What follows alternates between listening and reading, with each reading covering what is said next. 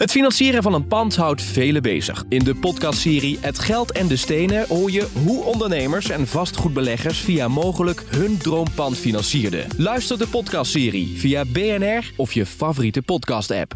Vastgoed gezocht wordt gesponsord door mogelijk vastgoedfinancieringen.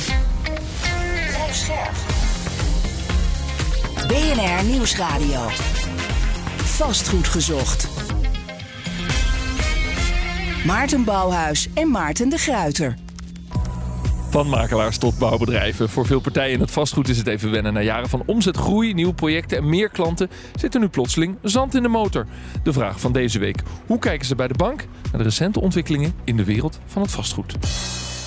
Dit is vastgoed gezocht. Jouw wekelijkse update over de wereld van de stenen. Je hoort ons uiteraard elke maandagavond op eh, BNR. Natuurlijk altijd online via je eigen podcastplayer. Maarten de Gruiter staat uiteraard naast mij.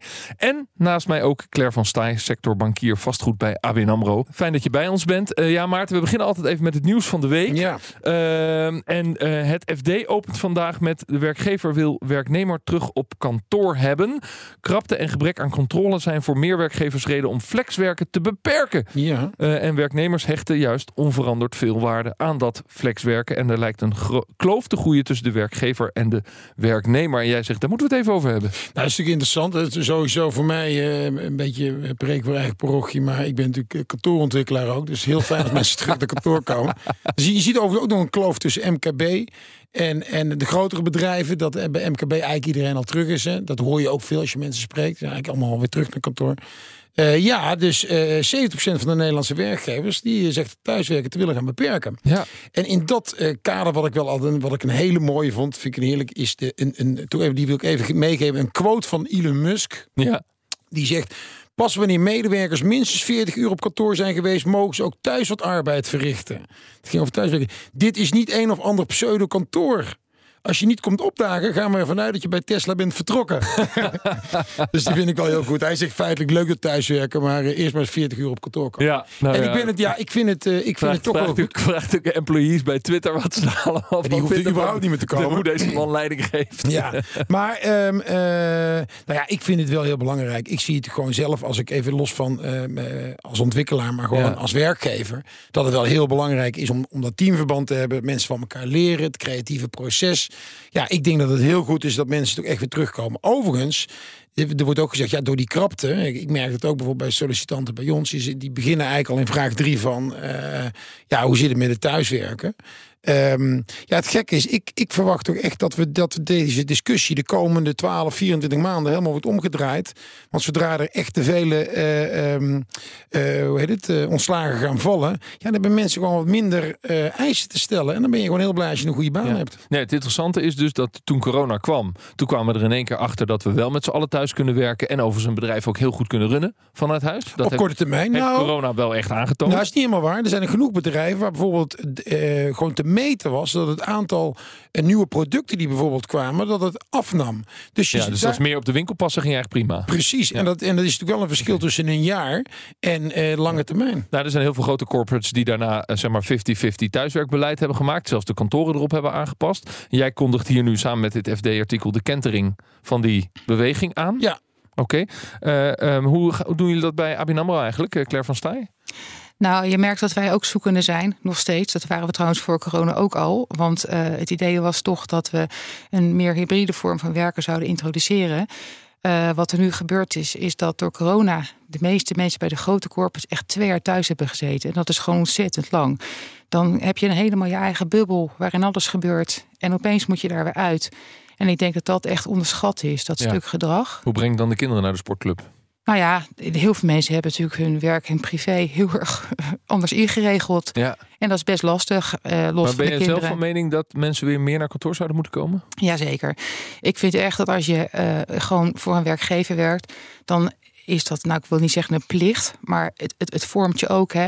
En je toont ook commitment naar je baas en naar je collega's door naar kantoor te gaan. Vastgoed gezocht. Ja, zoals gezegd, Claire van Staaij is bij ons sectorbankier vastgoed bij ABN AMRO. Ehm, wat doe je dan eigenlijk in de praktijk als eh, sectorbankier real estate?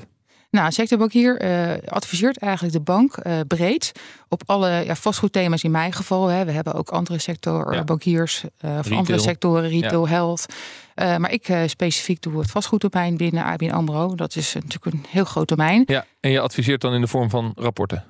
Ik uh, schrijf onder andere rapporten en columns, maar ik, ik doe veel meer. Uh, ik uh, adviseer eigenlijk gevraagd en ongevraagd. bij voorkeur ongevraagd, want dan probeer ik natuurlijk toch weer impact te maken via mijn werk. Hè, ja. Door bepaalde thema's ja, gewoon natuurlijk naar, naar boven Je zegt een heel groot domein, want vastgoed is een navenant onderdeel van de balans van de bank. Ja, dat is bijna 60 procent. Dat is ook logisch, hè? want er is heel veel commercieel gefinancierd vastgoed. Je hebt de, hypothecaire kant, gewoon de klantkant. Hè? Jij en ik met onze hypotheek. En je hebt natuurlijk ook nog het prijs, prijsmatig vastgoed, wat, wat evenveel uh, omvang is bijna als het commercieel gefinancierde vastgoed. Ja. Hey, en ongevraagd advies geven, dus, dat is natuurlijk wel heel leuk. Maar vindt de ontvanger dat het ook leuk om ongevraagd advies te krijgen? Nou ja, het gaat vaak ook over dingen waardoor de hitte van de dag, hè, de dagelijkse day-to-day business, uh, en soms misschien net, dan net even niet uh, voldoende nadruk op wordt gelegd. Uh, ik noem een label C, wat heel belangrijk is, maar we zijn er allemaal mee bezig. Maar hoe gaan we dat nou echt nog versnellen? Ja. Nou, daar ga, ga, ik dan op in en daar vraag ik dan advies, of daar geef ik advies op uit hoe je dat het slimste kunt doen. En het gaat ook over individuele dossiers. Dus een specifiek stuk vastgoed wat gefinancierd wordt met de bank, door de bank, wat in probleem is geraakt. Daar word je ook bij betrokken als dat nodig is, want er zit natuurlijk voldoende kennis gewoon bij de business zelf, hè, daar mag je wel van uitgaan. Maar er zijn natuurlijk soms dossiers die gewoon lastiger zijn, of, of een, net een even een andere uh, frisse blik, hè, zeg ik maar eventjes nodig hebben. En dan word ik er ook bij gevraagd. Nou, de afgelopen eh, vijf jaar, laten we zeggen tot een jaar geleden, was het uh, champagne sailing, noemen ze dat. Het ging voor de wind. Ehm, de rente werd steeds lager. Het was steeds relatief makkelijker voor ondernemers om hun vastgoed te financieren, of voor projectontwikkelaars om projecten voor elkaar te boksen. En nu is alles anders. Ik bedoel, de bouwkosten zijn enorm hoog geworden. We hebben inflatie en we hebben die oplopende rente. Ik kan me voorstellen dat jouw baan de afgelopen drie maanden zeer uitdagend was. Nou ja, kijk, de rente is uh, last and row, zullen we maar zeggen. Hè? Want er is natuurlijk al heel veel gebeurd daarvoor. Hè? Het begon inderdaad met, uh, met de bouwkosten. Uh, we hebben nu een stikstofuitspraak nog gehad. ja, er, er, is gewoon gebrek aan personeel. Dus al die zaken bij elkaar opgeteld maakten het al heel erg moeilijk. En nu komt die rente daar nog bij. Dus ik zie het wel als een, ja, een beetje een totaalpakket.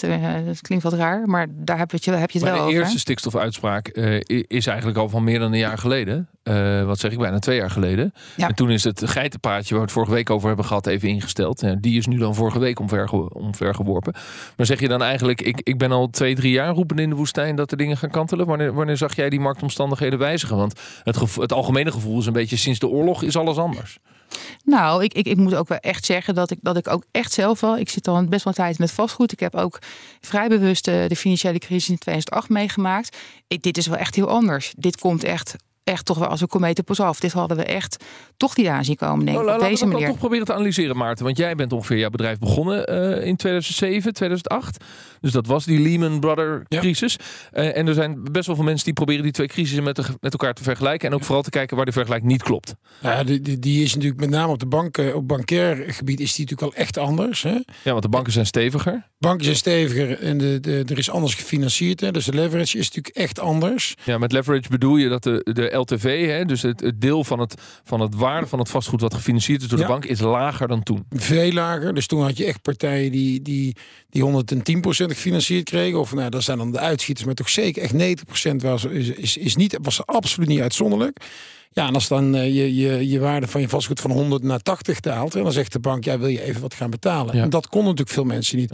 Dat is nu wat anders. Maar aan de andere kant, kijk, als jij natuurlijk nu moet gaan herfinancieren, die je lasten gaan enorm omhoog. Nou, kijk, als jij iets hebt ingekocht met een rendement van 4% en je moet dadelijk uh, uh, uh, 6% rente plus 3% aflossing 9% gaan betalen. Ja, dan moet je gewoon iedere maand bij gaan leggen. Ja. Hoe zou dat jij moet je wel dan, kunnen. Oké, ik begrijp, ik begrijp een mooi rekensommetje kunnen we op doorgaan. Maar hoe zou jij dan de huidige uh, crisis in de vastgoedmarkt omschrijven?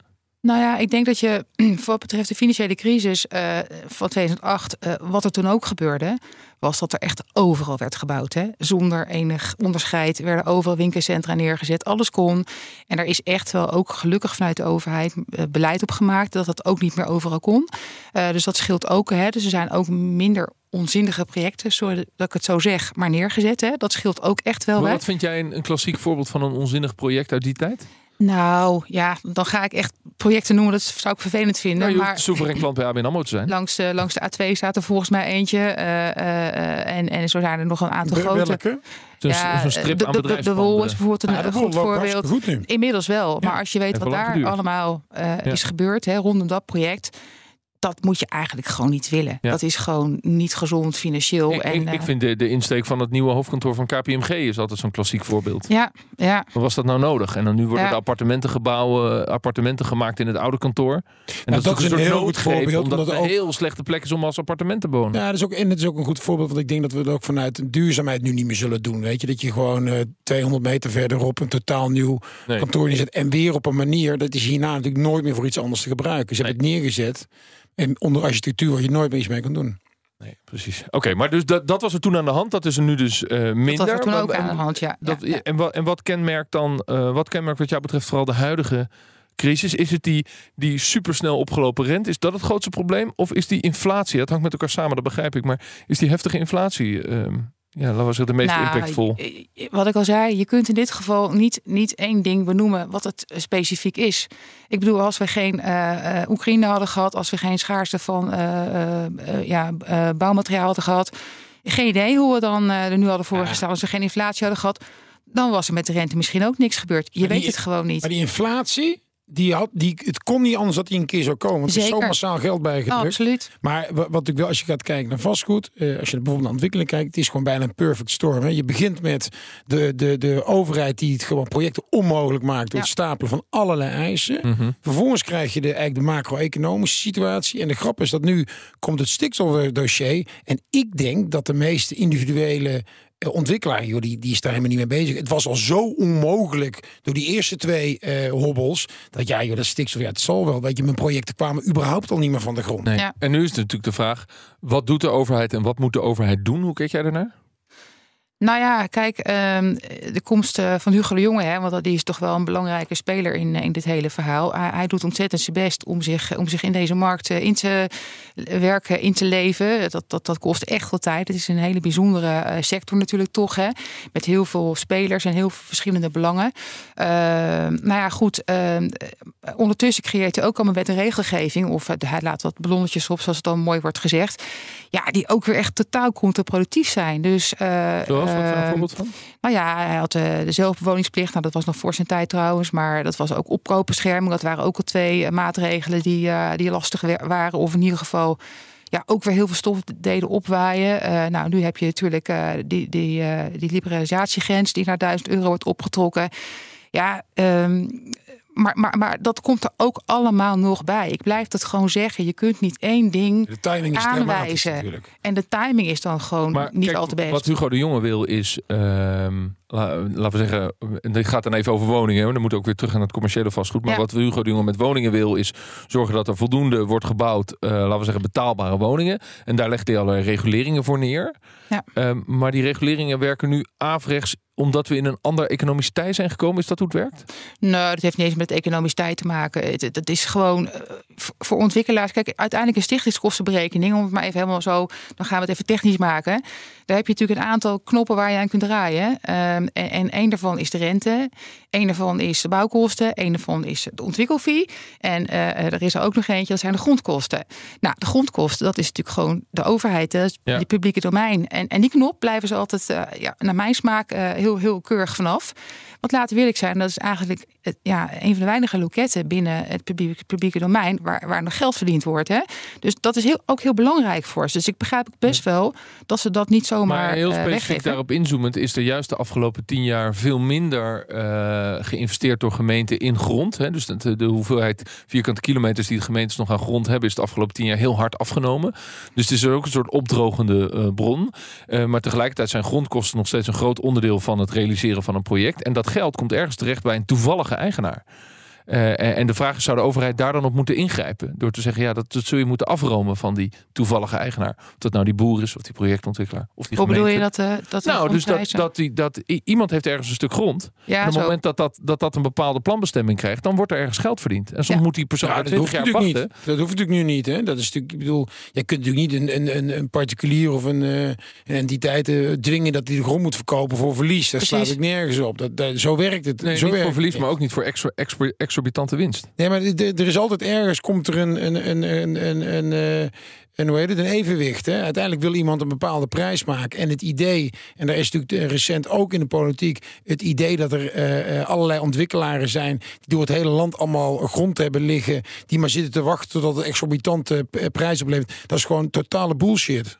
Oké, waarvan akte. Het rommelt in eh, vastgoedland. Zoveel is wel duidelijk. En dat eh, is het directe gevolg van een aantal macro-economische ontwikkelingen. Daar gaat deze uitzending over. Collega John van Schagen die sprak er ook over met BNR's huiseconoom Han de Jong. Ik denk dat wij in, laat ik zeggen, in de tweede helft van dit jaar in een recessie eh, zijn geraakt. Dat zegt Han de Jong dus. Ik denk dat die recessie al begonnen is, dus economische krimp. Dat betekent eigenlijk wel dat als je dan vooruit kijkt, dat je dan misschien zou, hè, als je optimistisch wil zijn, zou je kunnen zeggen dat 2023 het jaar moet zijn waarin het herstel dan weer begint. Maar ja, voorlopig zal het eh, wat betreft de conjunctuur nog wel eerder slechter worden dan beter. Maar die verwachtingen gaan, zoals bijna altijd, gepaard met een aantal onzekerheden. Hoe lang de oorlog nog doorgaat bijvoorbeeld. De belangrijkste negatieve factor voor de economie, eh, voor de conjunctuur zo je wilt, hè, dat is de economische groei op korte termijn. Eh, dat zijn eigenlijk de energieprijzen en in het bijzonder de Europese gasprijs. Die is eigenlijk al meer dan een jaar geleden begonnen met, eh, met, met stijgen.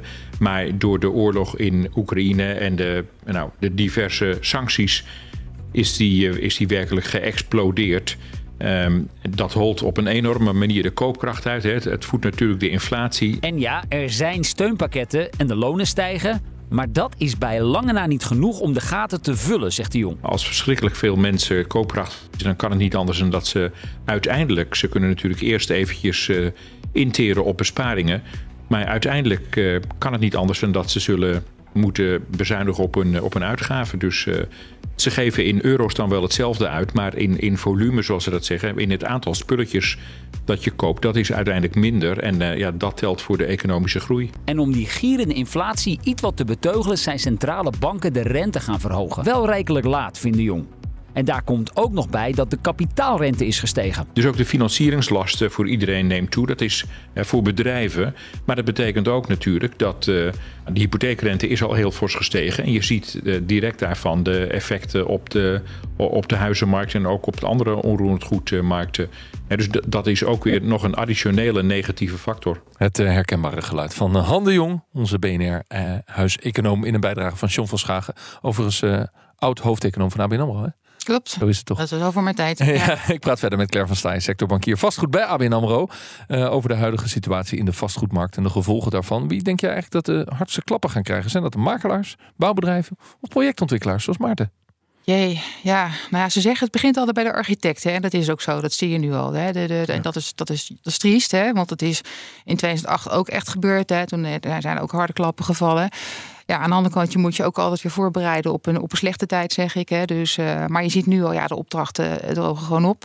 Ja, en dan kun je gewoon je personeel op een bepaald moment ook niet meer aan het werk houden. Hè? Het begint bij de architecten, maar die krijgen toch opdracht van jou, Maarten, van de projectontwikkelaar? Ja, dat klopt. Maar ja, als Ja. Wij, als, kijk, wij merken natuurlijk vrij snel van ja, of, of er dingen in de ijskast gaan of wij niks meer aankopen. Er is natuurlijk bijna geen Maar dat betekent handel dus meer. dat het bij jou ook al te merken is. Zeker. Dat je minder werk hebt voor de collega's die je hebt zitten. Nou, wij hebben eh de lopende projecten. Dus wij weten dat we de komende vijf jaar aan projecten hebben en wat we aan werk hebben. Maar ja, wij zijn wel veel voorzichtiger. We hadden, ik geloof dat wij vijf vacatures hadden staan. Eh voor mij hebben we daar vier van ingetrokken. Ja. Dus daar beginnen het dus ook wel te merken. Ja. Eh, en, en makelaars bijvoorbeeld, want die verdienen bij een, een ehm, laten we zeggen, een markt waarin veel beweging is. Ja. Veel aankoop en Ja. verkoop. Zie je als gevolg van waardedaling van commercieel vastgoed dat er minder transacties gaan komen? Ja, nou dat is al gaande natuurlijk. Hè. Het FD van de week geleden stonden ook al aankondigingen hè, van een, twee grote advies, eh, makelaarsadvieskantoren in Nederland. Dat zij echt gaan, eh, gaan, gaan afschalen. dus dat is al gaande. CBRE, Ja, en zij merken het heel snel, hè? dus dat is ook heel hard gegaan. Dat is echt in een paar maanden tijd waar ze eigenlijk nog denken, nou, het gaat wel meevallen.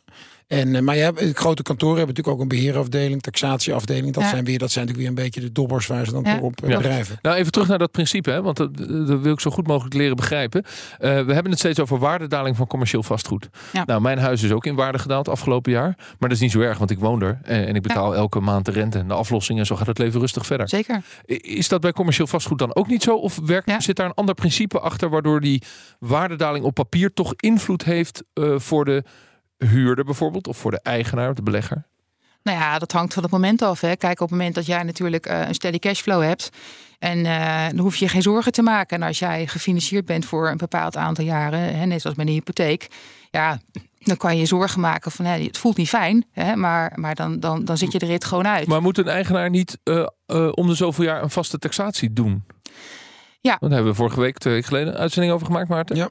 Er moet met een bepaalde frequentie moet er een Ja, vanuit de, gebeuren. de bank eist dat. En, en daar zou je dus dat probleem kunnen krijgen wat ik er straks zei over de vorige crisis. Alleen eh, eh, omdat die LTV lager is, zal er minder zal een Ja. probleem komen. Ja.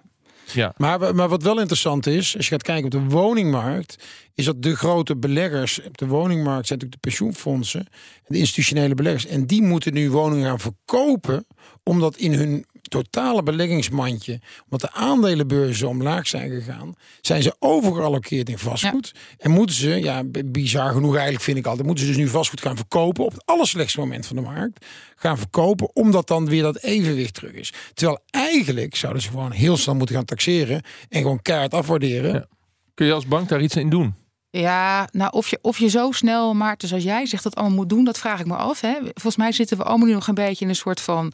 Ja, in het, in het oog van de storm zullen we maar zeggen. En ik denk echt dat we gewoon even niet in paniek moeten raken met z'n allen.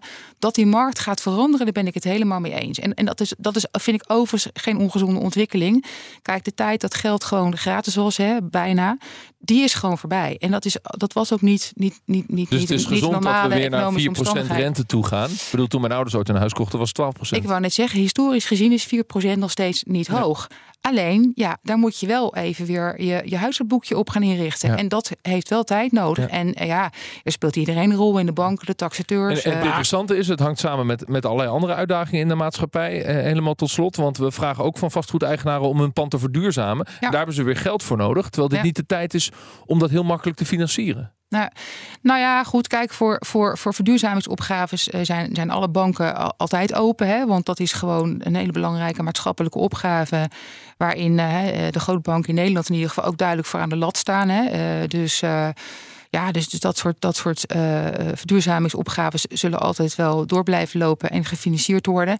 Eh, maar goed, ja, eh, ook daar zullen banken gewoon kritisch kijken naar: is dit een goede financiering? hè? Maar dat deden we Dat deed je daarvoor ook al. daarvoor Ja, ook al. als ik, eh, als ik een pand eh, heb gefinancierd bij jullie en eh, de huurder zegt staat helemaal leeg, dan hebben we al een probleem. En vervolgens zeg ik, joh, willen jullie ook nog even de verduurzaming eh, financieren? Dan hebben we denk ik wel best wel een, eh, een lastig gesprek, ook met een bank. Ja, nee, maar natuurlijk, kijk, eh, uit- uiteindelijk moet het, moet het, moet het ook eh, eh, kloppen onderaan de streep voor iedereen. Hè? Dus niet alleen voor de bank, ook voor de, voor de, de, Ja, de ja. eigenaar van het object. Ja, een object dat helemaal leeg staat, moet je sowieso zorgen over maken, denk ik. Hè? Want dan is er toch iets niet goed gegaan. Alles bij Ja, elkaar. maar dat is een interessante discussie. Want de, de eigenaar kan natuurlijk zeggen van ja, maar ik, ik moet juist verduurzamen, want anders krijg ik het niet verhuurd. Sterker nog, misschien mag je het straks niet meer verhuren. Ja, en de bank zegt ja, op maar krijg ik het geld nog terug? Ja, maar dat wist je al tien jaar. Volgens mij hebben we het een keertje eerder tegen je gezegd.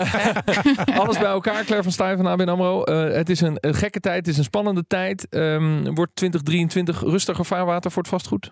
Nee, dat denk ik niet. Nee, ik denk dat we net begonnen zijn. Ik denk juist dat, eh, dat je dit jaar, eh, ja, dit jaar, nou, dat is nog heel kort natuurlijk, dus daar zeg ik maar niks meer over.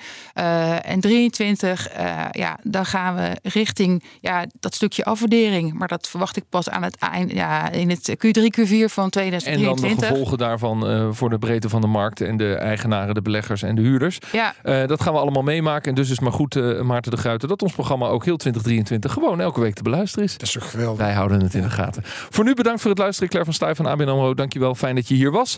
En we zijn er uiteraard volgende week weer. Dag. Vastgoed gezocht wordt gesponsord door mogelijk vastgoedfinancieringen.